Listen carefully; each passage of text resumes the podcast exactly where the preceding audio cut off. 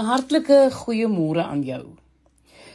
Ek wil 'n bietjie vandag met jou praat oor eenvoudige besluite wat soms so uitdagend kan wees. Het jy al ooit gesien hoe moeilik dit soms vir 'n kind is om te moet kies tussen 'n sjokolade of 'n bubblegum melkskommel?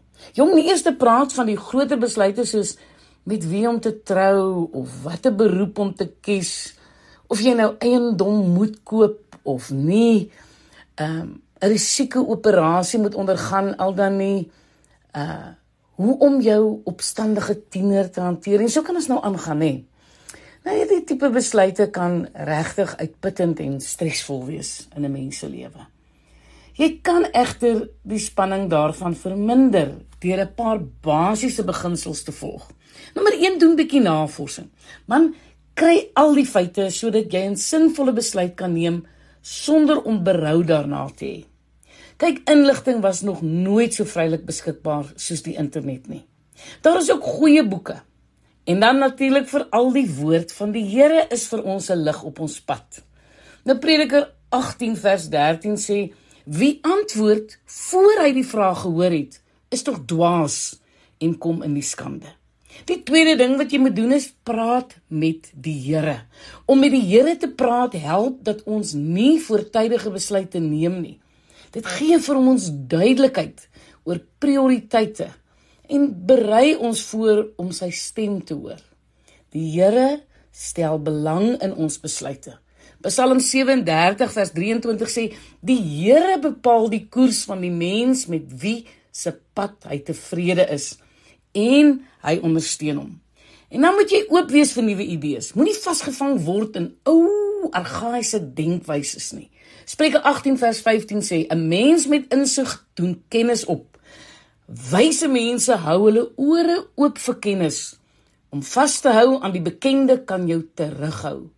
Dalk net dalk wil die Here jou op 'n nuwe pad neem met vas insig. Open jou hart om te ontvang. En dan die volgende ding is kry raad by betroubare vriende. Spreuke 12 vers 15 sê in die dwaase oë is sy eie pad die regte.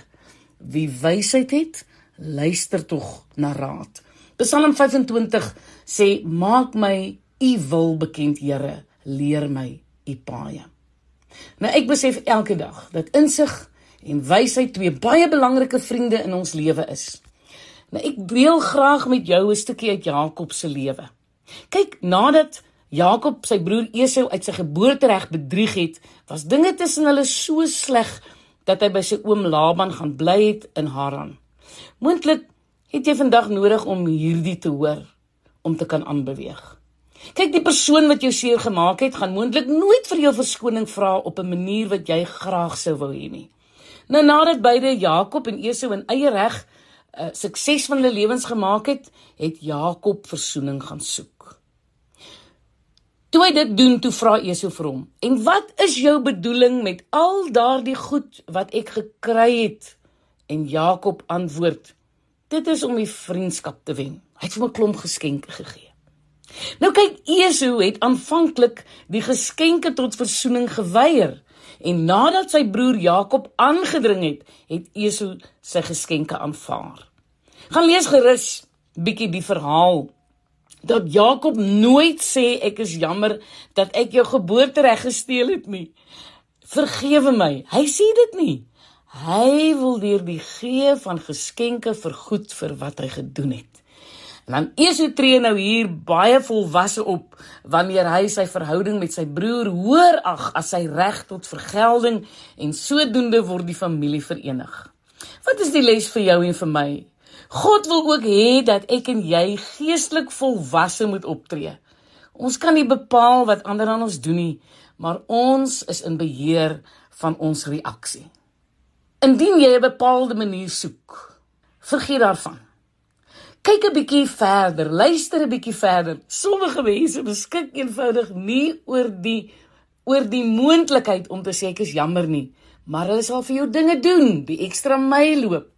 Kom ons raak ingestel op die Heilige Gees en ons lees die woord en ons kry insig en ons kry kennis en ons lewe met vreugde saam met ander mense. Ek is Lenet Peer vir Radio Kansel.